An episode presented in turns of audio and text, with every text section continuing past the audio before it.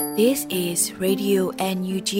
the voice of National Unity Government of Myanmar, broadcasting for Myanmar's Spring Revolution. Radio NUG is transmitting from shortwave 16 meter 17.79 megahertz at 8:30 a.m. and 25 meter 11.94 megahertz at 8:30 p.m. Myanmar Standard Time. မင်္ဂလာပါရှင်အမျိုးသားညီညွတ်ရေးအစိုးရရဲ့အတန်လွတ်ဌာနရေဒီယို NUG ကိုမန္တပိုင်း၈နိုင်ခွဲမှာလိုင်းတူ6မီတာ19.7ခွန်ကုန်းမဂါဟတ်စ်နဲ့ညပိုင်း၈နိုင်ခွဲမှာလိုင်းတူ25မီတာ17.6ကိုလီမဂါဟတ်စ်တို့မှာဓာတ်ရိုက်ဖမ်းယူနားဆင်နိုင်ပါပြီရှင်မင်္ဂလာအပေါင်းနဲ့ကြည့်ကြကြပါစို့အခုချိန်ကစပြီးရေဒီယို NUG စီစဉ်လေးကိုဓာတ်ရိုက်အတန်နဲ့ပေးနေပါပြီ မြန်မာနိုင်ငံသူနိုင်ငံသားအပေါင်းတဘာဝပြီးဆရာနာရှင်ဘေးတို့ကနေကင်းဝေးပြီးကိုစိတ်နှပါကျမ်းမာလုံးခြုံပေးကင်းကြပါစေလို့ Radio UNG အဖွဲ့သားများကဆုတောင်းမေတ္တာပို့သလိုက်ရပါတယ်ရှင်။အခုချိန်ကစပြီး Radio UNG ရဲ့ပြည်တွင်းသတင်းများကိုအေရီကဖတ်ကြားတင်ဆက်ပေးပါမယ်ရှင်။ မင်္ဂလာပါရှင်အခုချိန်ကစပြီး Radio NUG ညပိုင်းသတင်းတွေကိုဖတ်ကြားတင်ပြပေးတော့မှာဖြစ်ပါတယ်အခုတင်ပြပေးမယ့်သတင်းတွေကိုတော့ Radio NUG သတင်းတာဝန်ခံနေနဲ့ခိုင်လုံတဲ့မိဘသတင်းအရင်းမြစ်တွေကနေအခြေခံထားတာဖြစ်ပါတယ်ကျွန်မကတော့ Airy ပါရှင်ပထမဆုံးအနေနဲ့စစ်တပ်ရဲ့လူခွင့်ရေးချိုးဖောက်မှုတွေကိုတကမ္ဘာလုံးကရှုံချခဲ့ပေမဲ့ထိရောက်တဲ့အရေးယူမှုမရှိဘူးလို့ UNOCHA တာဝန်ရှိသူပြောကြားခဲ့တဲ့သတင်းကိုတင်ပြပေးပါမယ်။ မြန်မာစစ်တပ်ရဲ့လူခွင့်ရေးချိုးဖောက်မှုတွေကိုစနစ်တကျကျူးလွန်ခဲ့တာနဲ့ပတ်သက်ပြီးတကဘာလုံးကပြစ်တင်ရှုံချခဲ့ကြပေမဲ့ထိရောက်တဲ့အရေးယူဆောင်ရွက်မှုတော့မရှိခဲ့ဘူးလို့ကုလသမဂ္ဂလူခွင့်ရေးကော်မရှင်နာမင်းကြီးမီရှယ်ဘတ်ချလာကဝေဖန်လိုက်ပါတယ်။မြန်မာစစ်တပ်ကပြည်သူတွေအပေါ်ကျူးလွန်ခဲ့တဲ့ကြီးမားတဲ့ရာဇဝတ်မှုတွေနဲ့ပတ်သက်ပြီးနိုင်ငံတကာအတိုင်းဝိုင်းကတက်တက်ကြွကြွနဲ့တုံ့ပြန်ဆောင်ရွက်ခြင်းမရှိခဲ့တဲ့အပေါ်စိတ်ပြတ်တောင်းနှုံမိတယ်လို့လည်းကော်မရှင်နာမင်းကြီးကပြောလိုက်ပါတယ်။ စစ်တပ်ကအာဏာသိမ်းခဲ့တဲ့တနှစ်နီးပါးကြာခဲ့တဲ့အချိန်အတွင်းမှာစစ်ကောင်းဆောင်တွေဟာလူခွင့်ရေးချိုးဖောက်မှုတွေကိုစနစ်တကျကျူးလွန်ခဲ့ပြီးအခုထိတိုင်ပြည်ထံကနေလည်းလွတ်ကင်းနေတုံဖြစ်တယ်လို့လည်းဆိုပါတယ်။ဒါအပြင်မြန်မာနိုင်ငံကအရက်ဖက်အုပ်ချုပ်ရေးပြန်လည်ဖော်ဆောင်မှုအတွက်နိုင်ငံတကာဖိအားတွေပိုပေးကြဖို့ကိုလည်းသူကတိုက်တွန်းခဲ့တာပါ။မြန်မာပြည်သူတွေဟာသူတို့ရဲ့ဒီမိုကရေစီရေးအတွက်သူမတူတဲ့တတိတွေနဲ့ခန္ဓာရည်ရှိမှုတွေကိုပြသခဲ့ကြတယ်လို့သူကပြောတယ်လို့ နိုင်ငံတကာအတိုင်းအဝိုင်းအနေနဲ့လည်းဒီပြဿနာကိုအဆုံးသတ်နိုင်မှုအတွက်ခိုင်မာတဲ့လှုပ်ဆောင်ချက်တွေကနေတဆင့်မြန်မာပြည်သူတွေကိုထောက်ခံအားပေးသွားမယ်ဆိုတဲ့တန်ဋိဌာန်ခိုင်မာမှုကိုအခုခါမှာပြသသွားရမှာဖြစ်တယ်လို့လည်းဆိုပါတယ်။မြန်မာစစ်တပ်ရဲ့အာဏာသိမ်းမှုကိုမြန်မာပြည်သူအားလုံးနှိပါကကန့်ကွက်ခဲ့ကြပေမဲ့အကြံဖက်စစ်အုပ်စုဟာသူ့ရဲ့အာဏာခိုင်မာအားကောင်းအောင်မလုပ်နိုင်ခဲ့ဘူးလို့လည်းကုလသမဂ္ဂလူ့ခွင့်ရေးဆိုင်ရာအကြီးအကဲရဲ့ပြောခွင့်ရ Robert Covey ကပြောပါတယ်။ စစ်တပ်ကအာဏာသိမ်းခဲ့တဲ့ဖေဖော်ဝါရီလ၁ရက်နေ့ကစလို့အကြမ်းဖက်စစ်အုပ်စုဝင်လုံခြုံရေးတပ်ဖွဲ့ဝင်တွေဟာအတိုက်ခံဒီမိုကရေစီအင်အားစုတွေကိုရရဆက်ဆက်နှိမ်နင်းခဲ့တာကြောင့်ကြာဆုံးပြည်သူ1500ကျော်ရှိသွားပြီဖြစ်ပြီးအဲ့ဒီထဲမှာလက်နက်ကင်တိုက်ပွဲတွေနဲ့အကြမ်းဖက်မှုတွေအတွင်းတေဆုံးခဲ့ကြသူတွေမပါဝင်သေးဘူးလို့လည်းသူကဆိုပါတယ်။ကုလသမဂ္ဂလူခွင့်ရေးကော်မရှင်နာရုံး UNOCHA အနေနဲ့မြန်မာနိုင်ငံမှာနေစဉ်ဖြစ်ပျက်နေတဲ့လူခွင့်ရေးချိုးဖောက်မှုတွေကိုမှတ်တမ်းတင်ထားပြီးအဲ့ဒီထဲကအများစုကတော့မြန်မာစစ်တပ်ရဲ့ လုံခြုံရေးတပ်ဖွဲ့ဝင်တွေကကျူးလွန်ခဲ့တာဖြစ်တယ်လို့သူကပြောထားပါတယ်ရှင်။ဆက်လက်ပြီးဥကိုနီကွယ်လွန်ခြင်း9နှစ်ပြည့်ဝမ်းနည်းချောင်းတဝန်လွှာကိုဘာကတများအဖွဲ့ချုပ်ထုတ်ပြန်လိုက်တဲ့သတင်းကိုတင်ပြပေးပါမယ်။အမျိုးသားဒီမိုကရေစီအဖွဲ့ချုပ် NLD ပါတီရဲ့ဥပဒေအကြံပေးဖြစ်သူတရားလွှတ်တော်ရှိနေဥကိုနီလောက်ကျန်ခံရပြီးကွယ်လွန်ခြင်း9နှစ်ပြည့်အထိမ်းအမှတ်အနေနဲ့ဗမာနိုင်ငံလုံးဆိုင်ရာចောင်းသားသမဂ္ဂများအဖွဲ့ချုပ်အဖွဲ့ဝင်သမဂ္ဂများကဝမ်းနည်းချောင်းတဝန်လွှာထုတ်ပြန်လိုက်ပါတယ်။ ဦးကိုနီဟာ2018ခုနှစ်ဇန်နဝါရီလ29ရက်နေ့မှာပြန်ကြားရေးဝန်ကြီးဌာနရဲ့ပြည်ပခီးတစ်ခုကအပြန်ရန်ကုန်လေဆိပ်မှာတနက်သမားကြည်လင်းရဲ့တနက်နဲ့အနီးကပ်ပြစ်ခတ်လောက်ကျန်ခြင်းခံခဲ့ရပြီးကွယ်လွန်ခဲ့ရတာဖြစ်ပါတယ်။အဆိုပါလောက်ကျန်မှုမှာလူသက်သမားကြည်လင်းကိုဝိုင်းဝန်းဖမ်းဆီးကြစဉ်လေဆိပ်တက္ကစီအငှားရင်မောင်ဦးနေဝင်းမှာလည်းတနက်ကြည်စံထိမှန်ကကွယ်လွန်ခဲ့ရတာဖြစ်ပါတယ်။ဦးကိုနီလောက်ကျန်ခံရမှုနဲ့ပတ်သက်ပြီး2008ဖွဲ့စည်းပုံအခြေခံဥပဒေပြင်ဆင်ဖျက်သိမ်းရေးကြိုးပမ်းလျက်ရှိတဲ့အတွက် နိုင်ငံရေးအရလှုပ်ကြံမှုသာဖြစ်တယ်လို့ဦးကိုနီကွယ်လွန်ခြင်းနှစ်နှစ်ပြည့်အခမ်းအနားမှာ NLD ပါတီဗဟိုပြန်ကြားရေးအဖွဲ့ကပြောကြားခဲ့ပါတယ်။ဘာကတာများအဖွဲ့ချုပ်ကအာနာရှင်တို့၏မတရားဥပဒေအောက်တွင်အမှုမှန်မပေါ်ပေါက်ခဲ့သောတရားရေး၏ရှက်ရုံမွယ်ကောင်းသောအမှုဖြစ်ကြန့်ရှိခဲ့သောအမှုတစ်ခုဖြစ်လေသည်2008ချီဥမှာဖြတ်သိမ်းပြီးဖြစ်တော်လဲကျွန်ုပ်တို့အနိုင်ရအောင်ပွဲဆင်နိုင်မှသာအလုံးစုံပျောက်ကွယ်သွားမည်ဖြစ်သည်လို့ဆိုထားပါတယ်။ ဥကိုနီကိုလှုပ်ကြံတက်ဖြတ်မှုမှာတက်မတော်အရာရှိဟောင်းတွေပူးပေါင်းပါဝင်ကြံစီခဲ့ကြတာဖြစ်ပြီးအဓိကတရက်ခံဖြစ်တဲ့တက်မတော်အရာရှိဟောင်းအောင်ဝင်းခိုင်ကိုတော့ဒီနေ့အချိန်ထိဖမ်းဆီးနိုင်ခဲ့ခြင်းမရှိသေးပါဘူး။အမှုမှာလူသက်သမားကြည်လင်းနဲ့ပူပေါင်းကြံစီသူအောင်ဝင်းစော်တို့ကိုတေတံနဲ့ပါဝင်ပတ်သက်သူဇေယျဖြိုးကိုထောင်ဒဏ်9နှစ်အောင်ဝင်းထွန်းကိုထောင်ဒဏ်3နှစ်စီကြာခံဖို့2019ခုနှစ်ဖေဖော်ဝါရီလ15ရက်နေ့ကအနောက်ပိုင်းခရိုင်တရားရုံးကပြစ်ဒဏ်ချမှတ်ခဲ့တာဖြစ်ပါတယ်ရှင်။ ဆက်လက်ပြီးရင်းမပင်မြို့မှာအတန်တိတ်တပိတ်မှာပူပေါင်းပါဝင်ခြင်းမပြုကြဖို့စစ်ကောင်စီကချိန်ချောက်နေတယ်ဆိုတဲ့သတင်းကိုတင်ပြပေးခြင်းပါတယ်။စကိုင်းတိုင်းရင်းမပင်မြို့ကဒေသခံတွေနဲ့ဈေးဆိုင်ပိုင်ရှင်တွေအနေနဲ့ဖေဖော်ဝါရီလ၁ရက်နေ့မှာပြုလုပ်မဲ့အတန်တိတ်တပိတ် Silent Strike မှာပူးပေါင်းပါဝင်ခြင်းမပြုလုပ်ကြဖို့နဲ့တပိတ်မှာပူးပေါင်းပါဝင်သူတွေကိုအရေးယူသွားမယ်လို့စစ်ကောင်စီကဇန်နဝါရီလ29ရက်နေ့မနက်၈နာရီမှာဈေးတွေနဲ့မြို့ရင်းမှာလှည့်လည်ချင်းချောက်မှုတွေပြုလုပ်ခဲ့တယ်လို့ဒေသခံတွေကမြစည်းမသတင်းဌာနကိုပြောကြားခဲ့တယ်လို့သိရပါတယ်။ အတန်တိတ်တပိတ် Silent Strike မှာပူးပေါင်းပါဝင်သူတွေကိုဒီဇယ်ဥပဒေရဖန်စီအရေးယူမယ်လို့ရင်းမပင်ဈေးဆိုင်ကန်တွေကိုအာနာသိန်းစစ်ကောင်စီကလက်ကမ်းစာဆောင်တွေဖြန့်ဝေထားပြီးချင်းချောက်ပြောဆိုခဲ့တယ်လို့ဈေးဆိုင်ပိုင်ရှင်တအူးကပြောပြပါဗျ။အတန်တိတ်တပိတ်မလုပ်ဖို့အတွက်ဒီဇယ်ဥပဒေတွေနဲ့အရေးယူမယ်ဆိုပြီးဒီနေ့မနက်မှာကျမတို့ကိုလက်ကမ်းစာဆောင်တွေနဲ့လာပြီးတော့ချင်းချောက်တယ်။ဖိအားတွေလာပေးတယ်။ကျမတို့ပြည်သူတွေကိုမတရားနိုင်ထက်စီနဲ့လုပ်နေပါတယ်လို့ဒေသခံတအူးကလည်းပြောပြပါဗျ။ ယူနီဖောင်းအပြည့်အစုံဝတ်ဆင်ထားတဲ့စစ်ကောင်စီလက်အောက်ခံရဲစီပင်နဲ့ထွေအုပ်ဝန်ထမ်း10ဦးခန့်ကရင်းမပင်စီအတွက်အတန်တိတ်တပိတ်မပြုတ်လို့ဖို့လက်ကမ်းစာဆောင်တွေဖြန့်ဝေခဲ့တယ်လို့မြို့ရင်းမှာကားတစ်စီးနဲ့လိုက်လံကြေညာတာတွေလည်းပြုလုပ်ခဲ့တယ်လို့ဒေသခံတွေကပြောပါတယ်။မြန်မာနိုင်ငံမှာစစ်တပ်အာဏာသိမ်းပြီးတဲ့နောက်တနိုင်ငံလုံးပူဆွေးတော့ကရောက်ခဲ့ကြရတဲ့တစ်နှစ်ပြည့်အနေနဲ့စစ်ကောင်းဆောင်တွေကိုဆက်လက်ဖီဆန်ခြင်းဖြင့် ပြည်သူတော်လှန်ရေးအရှိန်မြင့်တင်မှုအတွက်ပြုလုပ်မဲ့ Silent Strike အတန်တိတ်တပိတ်မှာပြည်သူတရက်လုံးပူးပေါင်းပါဝင်ပေးကြဖို့တော်လှန်ရေးအင်အားစုတွေကတိုက်တွန်းထားပါတယ်။ CRPH နဲ့ NUG ကအကြမ်းဖက်အုပ်စုတွေဆိုပြီးလက်ကမ်းစာဆောင်တွေဖြန့်နေကြတာဈေးမထွက်ရင်အေးအေးယူမယ်အတန်တိတ်တပိတ်မပြုတ်လို့ဖို့လက်ခုပ်မတီးဖို့ကားဟွန်ဆိုင်ကယ်ဟွန်မတီးဖို့သူတို့ကလက်ကမ်းစာဆောင်တွေထဲမှာရေးထားတယ်လို့ရင်းမဲ့ပင်မြို့ကန်တအူးကပြောပြပါတယ် အလားတူရန်ကုန်မန္တလေးစကိုင်းမကွေး AR တိုင်းနဲ့ကချင်ပြည်နယ်တို့မှာလည်းလာမယ့်ဖေဖော်ဝါရီလ၁ရက်နေ့မှာပြုလုပ်သွားမယ့်အတန်တိတ်တပိတ်မှာပူပေါင်းပါဝင်ခြင်းမပြုလုပ်ဖို့နဲ့အဲ့ဒီနေ့မှာဈေးမထွက်တဲ့ဈေးဆိုင်ကန်းတွေကိုအရေးယူမယ့်အကြောင်းစစ်ကောင်စီကဖိအားပေးချင်းချောက်တာတွေပြုလုပ်နေတယ်လို့လည်းဒေသခံတွေစီကသိရပါဗျ။မြို့နယ်တချို့မှာအတန်တိတ်တပိတ်ပြုလုပ်မဲ့ဖေဖော်ဝါရီလ၁ရက်နေ့မှာဈေးဆိုင်ကန်ဖွင့်ပါမယ်လို့စစ်ကောင်စီကအတင်းကျပ်ဖိအားပေးခံဝန်ကတိလက်မှတ်ထိုးခိုင်းတာတွေလည်းရှိနေတယ်လို့သိရပါဗျ။ ပြီးခဲ့တဲ့မလ24ရက်နေ့ကလည်းစစ်အာဏာရှင်မလိုလားကြောင်းပြသတဲ့အတန်တိတ်တပိတ်ပြုလုပ်ခဲ့ကြပြီးဒီဇင်ဘာလ10ရက်နေ့အပြည်ပြည်ဆိုင်ရာလူအခွင့်အရေးနေ့မှာလည်းနိုင်ငံတော်ဝန်မှာအတန်တိတ်တပိတ်တွေဆင်နွှဲခဲ့ကြပါသေးတယ်။အတန်တိတ်တပိတ်မှာပါဝင်သူတွေကိုအကြမ်းဖက်မှုတိုက်ဖျက်ရေးဥပဒေပုံမှ52ကကြီး၊ဂျာဇသက်ကြီးပုံမှ124ကကြီး၊ပုံမှ905ကကြီး၊အီလက်ထရောနစ်ဆက်သွယ်ရေးဥပဒေပုံမှ33ကကြီးအပြင်ဒီဇယ်ဥပဒေတွေနဲ့ပါအရေးယူသွားမယ်လို့စစ်ကောင်စီကချိန်ချောက်နေတာဖြစ်ပါတယ်ရှင်။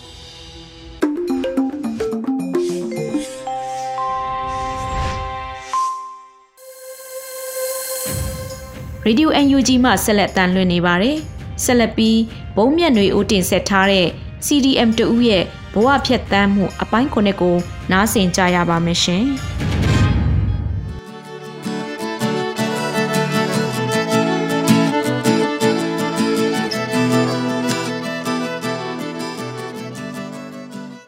ခက်ခဲလုံးလို့ယုံပြန်သွားခြင်းစိတ်ဖြစ်ဖူးလားဆိုတာတော့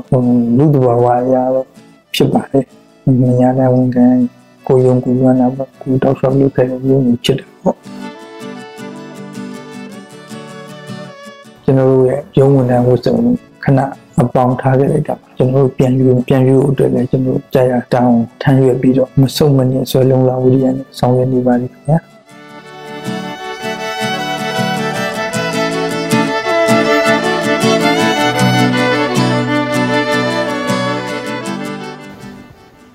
NUG ကိုနားတော်တာဆင်နေကြတဲ့ပြည်သူများခင်ဗျာမြန်မာနိုင်ငံမှာပြည်သူ့နေဦးတော်လန်ရေးရဲ့ပင်မှထောက်တိုင်နေဖြစ်တဲ့ PDF CDM နဲ့ပြည်သူလူထုအားလုံးတို့ဟာမိမိတို့သက်ဆိုင်ရာအခမ်းကဏ္ဍအသီးသီးကကြာရနေရာကြာရတာဝန်ကိုခြေပွန်စွာထမ်းရွက်ရင်းဒီမိုကရေစီဖက်ဒရယ်ပြည်ထောင်စုကြီးကိုအမြန်ဆုံးတည်ဆောက်အကောင့်ထဲပေါ်ဆောင်ရွက်နိုင်ရေးအတွက်ကြိုးပမ်းထမ်းဆောင်လာနေကြတာမို့ ပြည်သူတော်လှန်ရေးကြီးဟာတနိုင်ငံလုံးမှာအရှိန်အဟုန်နဲ့ညှင့်တက်လာနေပြီဖြစ်ပါတယ်။တော်လှန်ရေးရဲ့ပေမထောက်တိုင်နေတဲ့မှာစစ်အာဏာရှင်ကိုအရင်ဆုံးစန့်ကျင်ခဲ့ကြတဲ့ CDN ဝန်ထမ်းတွေဟာသူတို့ရဲ့ဝါသနာပါရအသက်မွေးဝမ်းကြောင်းအလုပ်တွေကိုစွန့်လွတ်ပြီးပြည်သူဘက်ကရဲရဲဝံ့ဝံ့ရရက်တီခဲ့ကြသူတွေပါဒီနေ့မှာတော့ရွေးကောက်ပွဲကာလအတွင်းကိုယ်တိုင်ပါဝင်ကူညီဆောင်ရွက်ပေးခဲ့ဘူးသူအထွေထွေအုပ်ချုပ်ရေးဦးစီးဌာနက ဝန်ထမ်းတဦးရဲ့စီနီယံပါဝင်ပြီးနောက်ပိုင်းဘဝဖြတ်သန်းမှုအတွေ့အကြုံတွေကိုမေးမြန်းတင်ဆက်ပေးသွားမှာပါ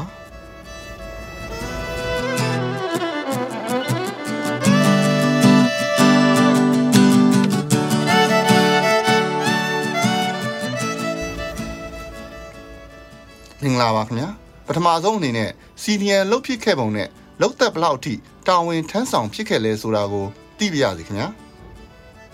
ဟုတ်ဒီကျွန်တော် CDN လို့ဖြစ်ခဲ့တာတော့ဒီမတရားတဲ့စေအနာရှင်စနစ်ကိုကျွန်တော်လက်ခံနိုင်လို့ CDN လို့ဖြစ်ခဲ့တာပါခင်ဗျာကျွန်တော်တာဝန်ထမ်းဆောင်ခဲ့တဲ့ဌာနကတော့အထွေထွေအုပ်ချုပ်ရေးဦးစီးဌာနမှာကျွန်တော်တာဝန်ထမ်းဆောင်ခဲ့ခြင်းဖြစ်ပါတယ်ကျွန်တော်လုပ်တဲ့ဒီနေ့ပြဖို့အလိုမှာကျွန်တော် CDN ဖြစ်စတင်ဆောင်ရွက်ခဲ့ခြင်းဖြစ်ပါတယ်ခင်ဗျာစီနီယံလုတ်ခဲ့ပြီးနောက်အခက်အခဲတွေဖိအားတွေဌာနကဖိအားပေးတာတွေကရောဘယ်လိုမျိုးကြုံခဲ့ရပါသလဲ ကျွန်တော်စီရီယံလုပ်ပြီးပထမတစ်ပတ်နှစ်ပတ်အတွင်းကတော့ကိုဌာနကိုကျွန်တော်လွှမ်းတာပေါ့ကျွန်တော်တယ်လီဖုန်းတွေတော့ကျွန်တော်တခါလေးပဲပြေးလိုက်တော့ကျွန်တော်စုံဝန်တန်းဆိုတာကိုဌာနအကြီးအကဲကဖုန်းဆက်လာရင် ကိုင်းရမယ်ဆိုတဲ့အသီးရရှိရင်ညွှန်ကြားချက်လိုင်းလိုက်နာရမယ်ဆိုတဲ့အသီးရရှိတာပေါ့အဲ့တော့တယ်ဂရမ်နဲ့တယ်လီဖုန်းမပိတ်ထည့်ဘူးဆိုရင်ဌာနကြီးပဲလှမ်းဆက်မယ်ဆိုရင်ကျွန်တော်စိတ်ထဲမှာစိတ်မဟိုတစ်ခုဖြစ်မှာဆိုတော့ကျွန်တော်တခါလေးပဲလုံးလုံးဆုံးလုပ်ပြီးတော့တယ်လီဖုန်းနဲ့ပိတ်ထည့်လိုက်တာပေါ့နောက်တစ်ခုကဌာနကလည်းကျွန်တော်ပထမဆုံးလုပ်တဲ့ CDN တမဆိုတော့မလောက်တော့အောင်ရေးယူမယ်ဆိုပြီးကျွန်တော်လုပ်ပြီးနေ့ရက်ကျမှကျွန်တော်ထုတ်တယ်ဆိုတာတခါလေးထုတ်လိုက်တဲ့ပုံနဲ့ဌာနကနေထုတ်လိုက်တယ်ပေါ့ စကားစတွေကြောင့်ကိုယ်တိုင်နဲ့မိသားစုလုံခြုံရေးအနေထားကရောဘယ်လိုမျိုးရှိပါသလဲအခုလက်ရှိမှာရောဘဝကိုရပ်တည်နေရတဲ့အခြေအနေကိုသိခွင့်ပေးပါခင်ဗျာအဲစကားစားလည်းကျွန်တော်နောက်ကြောင်းရာဆိုနေလိုက်တယ်ရေးရလည်းနောက်ကြောင်းရာဆိုနေလိုက်တယ်မိသားစုလုံခြုံရေးအနေထားလည်းတော်တော်လေးဟိုခဲခဲခဲရက်တည်နေရတာပေါ့အခုလက်ရှိကတော့အဲကျွန်တော်အနေနဲ့ဘွားဘွားရက်တည်အနေနဲ့အလုပ်တစ်ခုခုကျွန်တော်ဆောင်ရွက်ပြီးတော့ရက်တည်နေပါတယ်လူမျိုးနေမျိုးကျွန်တော်ရောက်ရှိပြီးတော့အဲကျွန်တော် အဲဟိုဘွားတို့ခရီးချွေဒီဌာနစီရီယံဝန်ထမ်းအဖွဲ့တွေကိုကျွန်တော်အကူအညီပေးဆောင်ရွက်နေပါတယ်ခင်ဗျအကူအညီထောက်ပံ့နေရောရခဲ့ဘူးပါသေးသလားအကူအညီထောက်ပံ့နေကျွန်တော်ရခဲ့ဘူးပါတယ်ဟိုပြည်သူပြည်သားတွေကလည်းအများကြီးကူညီထောက်ပံ့သလိုအမျိုးကြီးဝန်ဌာနကလည်းတောက်လျှောက်ကူညီနေပါတယ်နောက်တစ်ခုကနေဦးထီကလည်းအကူအညီတောက်လျှောက်ကျွန်တော်ပေးတာကျွန်တော်ရပါတယ်ခင်ဗျာ စီဒီအန်လောက်ခဲ့ပြီးအခက်အခဲတွေလည်းကြုံခဲ့ဘူးရတယ်အခုဆိုလဲလွတ်မြောက်နေမြေမှာရောက်နေရပြီးအန်ဒီရတွေကြားမှာရှင်သန်ရက်တည်နေရတဲ့အချိန်မှာရုံးပြန်သွားကျင်စိများမဖြစ်ဘူးလားခင်ဗျာလက်ရှိဖြစ်နေတဲ့အခြေအနေနဲ့ပတ်သက်ပြီးခံယူချက်ရောဘယ်လိုရှိမလဲခက်ခဲလုံးလို့ရုံးပြန်သွားကျင်စိဖြစ်ဘူးလားဆိုတာတော့ဟိုလူတဘာဝအရာတော့ဖြစ်ပါတယ်မရတဲ့ဝန်ခံကိုယုံကူရနာပေါ့ကိုတောက်လျှောက်လုပ်ခဲ့တဲ့ရုံးကိုချစ်တယ်ပေါ့ကိုဌာနအကြီးအကဲ ကြီးဟိုကိုဌာနကြီးချစ်တာပေါ့ဒီရုံးမှာပဲကျွန်တော်မနေ့6နာရီ9နာရီ10နာရီညနေတခါလေးညလင်းပေါက်လုပ်ခဲ့ရတဲ့ဌာနကြီးတွားတူလာတူစားတူနေတူဒီမှာလောကနဲ့ကျွန်တော်တို့သိဆက်ဆက်မရှိနေရုံးမှာပဲရုံးဝင်တဲ့နေနဲ့မိသားစုနေခဲ့ရတဲ့ဌာနကြီးချစ်တာပေါ့ရုံးကိုလည်းပြန်ပြီးတော့ချင်းဖြစ်တာပေါ့သို့တော်လည်းမတရားမှုတစ်ခုကျွန်တော်တို့ကျုံးမှန်ရတာကျွန်တော်တို့ကိုယ်တိုင်နဲ့ရုပ်ောက်ပွဲမှာ မဲစင်းနေမှန်ကောင်ကိုယ်တိုင်ဆောင်ရွက်ခဲ့တဲ့တင်တဲ့စင်ကျွန်တော်တို့စင်းနေကောက်တဲ့ပြည်သူတို့ကိုပါဝင်လာအောင်တိုက်တွန်းနှိုးဆော်တဲ့မဲစင်းနေအမှားရမရှိအောင်လုပ်ခဲ့တဲ့ကိုဗစ်ကာလကြီးမှာအသက်အန္တရာယ်ကိုနိုင်ငံတော်အတွက်စွန့်လွတ်ပြီးကျွန်တော်တို့ဆောင်ရွက်ခဲ့ရတယ်ဒီလိုအခြေအနေမှာကျွန်တော်တို့လုပ်ခဲ့တဲ့မဲစင်းမှားပါတယ်ဆိုပြီးကျွန်တော်တို့စော်ကားမော်ကားနဲ့အာနာရှင်အာနာယူပြီးတော့ဥအတူအာနာလိုချင်တာကိုကျွန်တော်တို့သိခါရီမမှန်လား ကျွန်တော်တို့သူရဲ့ဝန်ထမ်းဆိုဖြူစင်တဲ့ဟိုအယောင်ဆိုပြီးကျွန်တော်တို့ကိုယ်လုံးလုပ်မှာတော့ကျွန်တော်လက်မခံနိုင်ဘူးပေါ့ဒါကြောင့်ဘယ်တော့မှဆိုဒီယုံကျွန်တော်တို့ဒီမိုကရေစီရရင်တော့ပြန်တော့မှာပါကျွန်တော်တို့ရဲ့ရုံးဝန်ထမ်းကိုစုံခဏအပေါင်းထားခဲ့လိုက်တာကျွန်တော်တို့ပြန်ယူပြန်ယူအတွက်လည်းကျွန်တော်ကြာရတောင်းထမ်းရွက်ပြီးတော့မစုံမနေဆွဲလုံးလာဝိရိယနဲ့ဆောင်ရွက်နေပါလိမ့်ခင်ဗျာ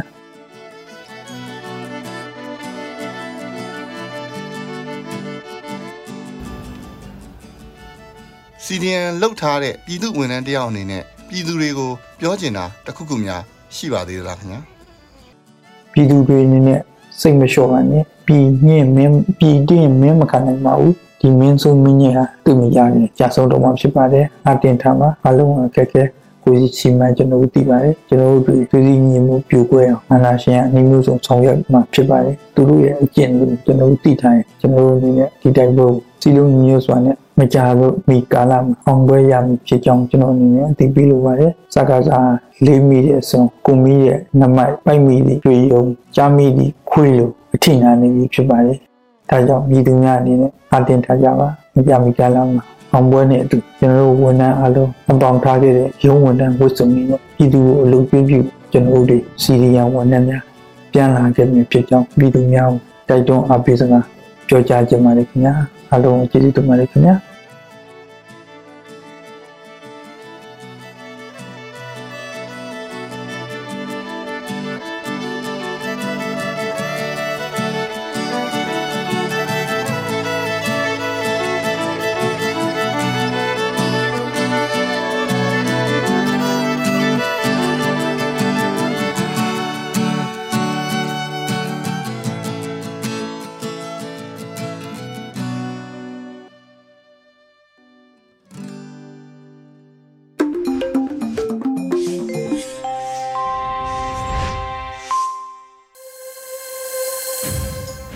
ဆက်လက်ပြီးဥအောင်ဆိုင်ရဲ့နိမိတ်စကားဆိုတဲ့ကြပြကိုနားဆင်ရဖို့ရှိပါတယ်။မောင်စွမ်းရည်ရေးဖွဲ့ထားပြီးຫນွေဦးမိုးကရွက်ဖတ်တင်ဆက်ပေးထားပါတယ်ရှင်။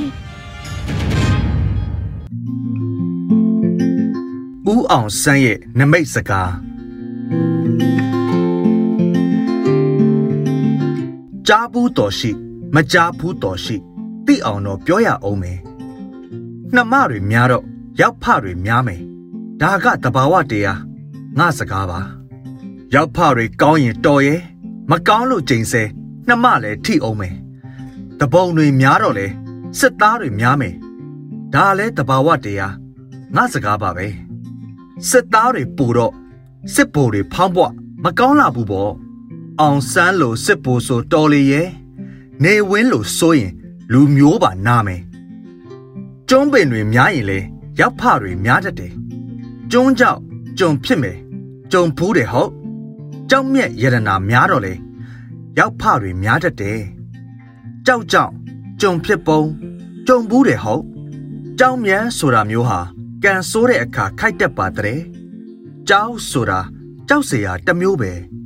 ကြောက်ပေါက်နာစွဲရင်တော့တေရင်လဲတေမတေရင်တေမျက်နာကြောက်ပေါက်နာအမာရွတ်နဲ့ဝတ်ခံရမယ်ကြောက်တက်ရင်ဝန်ကင်းတဲ့ ကြောက်ရင်လွဲရဲမင်းဖြစ်တဲ့မင်းဖြစ်တာမသေးချာလို့သေတာလဲရှိတယ်ဗျာတစ်တီတူတောက်တဲ့နဲ့တီကောင်းဆိုတာဗမာမှာပေါ်မှာပေါ်စနေနံသုံးမျိုးကိုတို့လူမျိုးမကြိုက်ပေမဲ့တရုတ်တွေကြိုက်တဲ့ကလားကမဝယ်လဲတရုတ်ကဝယ်တဲ့ရေချိုရေငန်းနှစ်နိုင်ငံမြန်မာတွေပိုင်တဲ့ရေချိုရေငန်းပေါ်ရင်လဲရောက်ဖပေါ်တဲ့တဲတောင်မြစ်ချောင်းကလည်း ကောင်းမှကောင်းပေါ်မှပေါ်ရောက်ဖပေါ်မဲ့နမိတ်တဘောတဲနဲ့ရေကိုရွှေလူရောင်းရတဲ့ရောက်ဖလောင်ရှာရင်စစ်ဘိုသာရှာပေရောစစ်ဘိုတွေရောင်းလို့တဲချောင်းဟာရွှေချောင်းဖြစ်တဲ့မင်းမှလည်းနှမနဲ့ငါမှလည်းနှမနဲ့သူ့မှလည်းနှမနဲ့ရောက်ဖကိုရောင်းလို့မရပေမဲ့ရောက်ဖကစစ်ဘိုဆိုရင်နှမကိုရောင်းရောင်းအမကိုရောင်းရောင်း ရောင်းတိုင်းရလို့ရတိုင်းရောင်းတဲ့ရောင်းရမှာတွန့်တော်ရင်ငှားလိုကငှားနိုင်ငံခြားဈေးကွက်မှာမြန်မာမတွေဈေးရတဲ့တို့အစိုးရရဲ့ဗမာထွက်ကုန်ဂုံယူစရာတပါစပားနဲ့မချားပဒံများနဲ့လည်းမချားနွားနဲ့လည်းမချားဘူးပေါ့ဥအောင်ဆန်းရဲ့ရွှေပါဇက်နမိတ်ဖတ်ခဲ့ပါတော့ကောနောက်အခါနှစ်ပေါင်း20ကြာရင်ဗမာနိုင်ငံဟာဘာနိုင်ငံဖြစ်မတဲ့လေ ခုအခါနှစ်ပေါင်း20ကြာတာနှစ်ခါမကသုံးခါတောင်ကြပေါ်တို့ကောင်းဆောင်ကြီးပြောခဲ့တာဒီတစ်ခါလွဲပေါ်လို့ပြောရဲရင်ပြောရပေါ်မင်းမိုးကြိုးပြစ်မယ်ဘာဖြစ်ကုန်ပြီလဲဖာဖြစ်ကုန်ပြီပဲမောင်စွမ်းရည်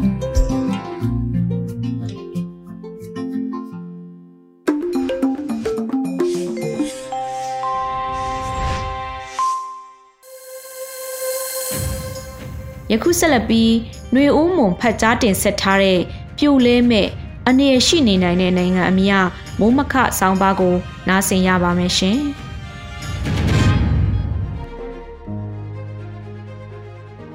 ပြိုလဲမဲ့အနေရရှိနေတဲ့နိုင်ငံဒီနေ့ကုလသမဂ္ဂလုံခြုံရေးကောင်စီမှမြမအရေးနဲ့ပတ်သက်ပြီးတကားပိတ်အစည်းအဝေးကျင်းပဖို့ရှိပြီ။အကျဉ်းပါကင်မှာသတင်းမီဒီယာနဲ့တွေ့ဆုံရမှာ လုံခြုံရေးကောင်စီရဲ့အလှည့်ကျဥက္ကဋ္ဌနေရာတာဝန်ယူထားရတဲ့နော်ဝေနိုင်ငံတပ်အမတ်ကြီးက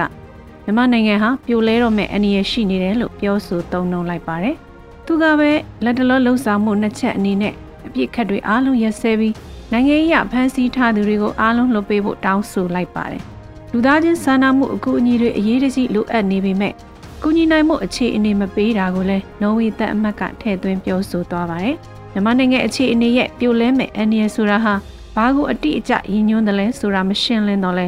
အုပ်ချုပ်မှုရန်တရားတွေမထိရောက်တော့တာတရားဥပဒေစိုးမိုးမှုမရှိတော့တာမျိုးလက်နက်ကင်ထားသူတွေကသာလူတစ်ယောက်ရဲ့ရှင်သန်မှုသေဆုံးမှုကံကြမ္မာကိုစုံဖြတ်နိုင်တာမျိုး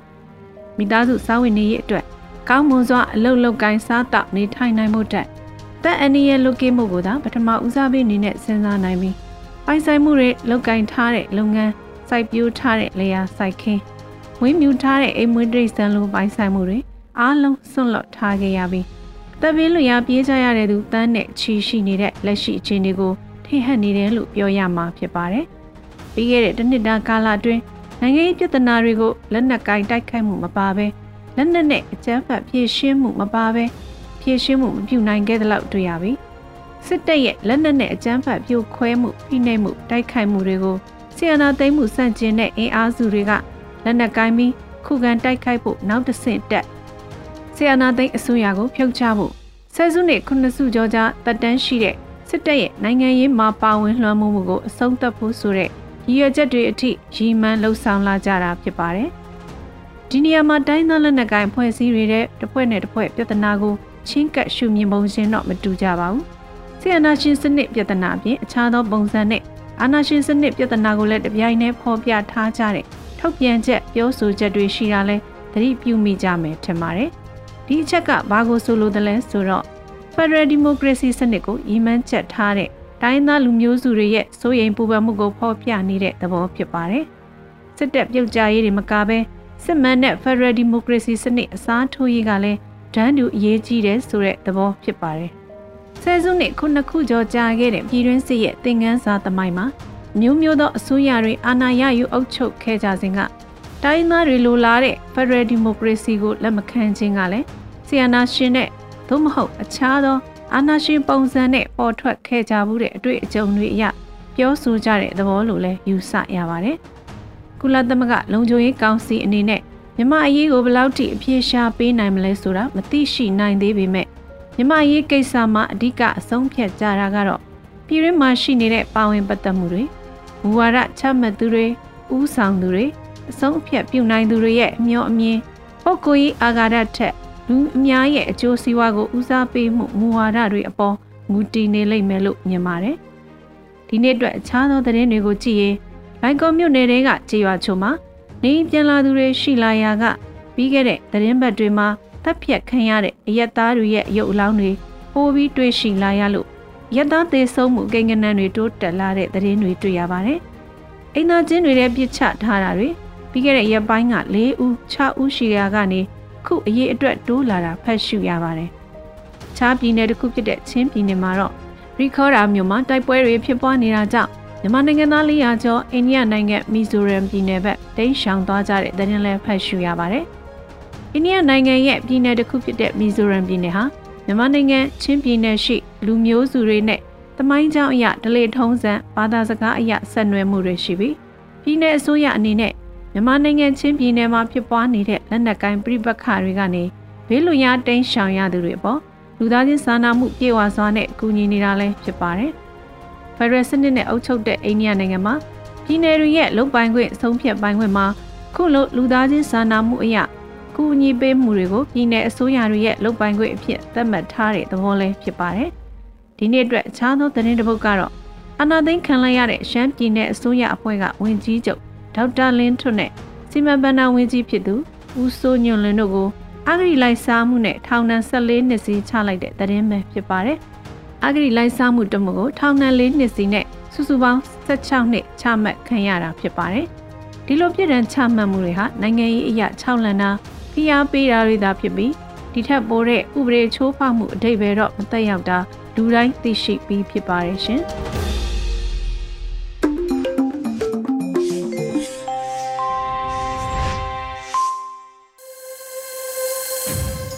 ဆက်လက်ပြီး Radio UNG ရဲ့တော်လန်ရေးတိတ်ဂီတအစီအစဉ်မှကျွေလွန်သူများတို့ဆိုတဲ့တခြင်းကိုနားဆင်ရဖို့ရှိပါတယ်။ဒီတခြင်းကိုတေးရေးကညော်ပိုးရေးဖွဲ့ထားပြီး ကောကညော်ကတီးဆိုပေးထားပါတယ်ရှင်။တနာကမြာရွာကိုဖြတ်ပြီးထွားရရလေးတမြာမြေဝမမေးဖြောင်းပြသူတို့လိုပဲမကြုံအောင်ဟာတရှိပုံကသူအဖြစ်နဲ့ကိုချိုးဆိုအသက်ပွေ ဘာကြောင့်လဲရှော့ရွှဲလို့ချွေခဲ့ရဘာကြောင့်လဲတမိုးမစတီပွာ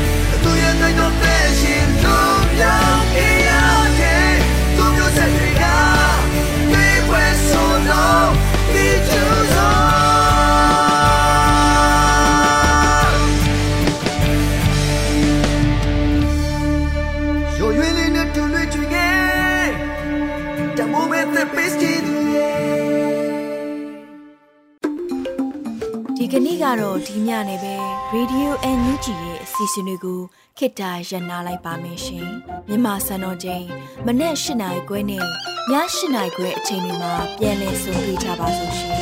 Radio NUG ကိုမနေ့ပိုင်း၈နိုင်ခွဲမှာလိုင်းတူ16မီတာ19.7 MHz နဲ့ညပိုင်း၈နိုင်ခွဲမှာ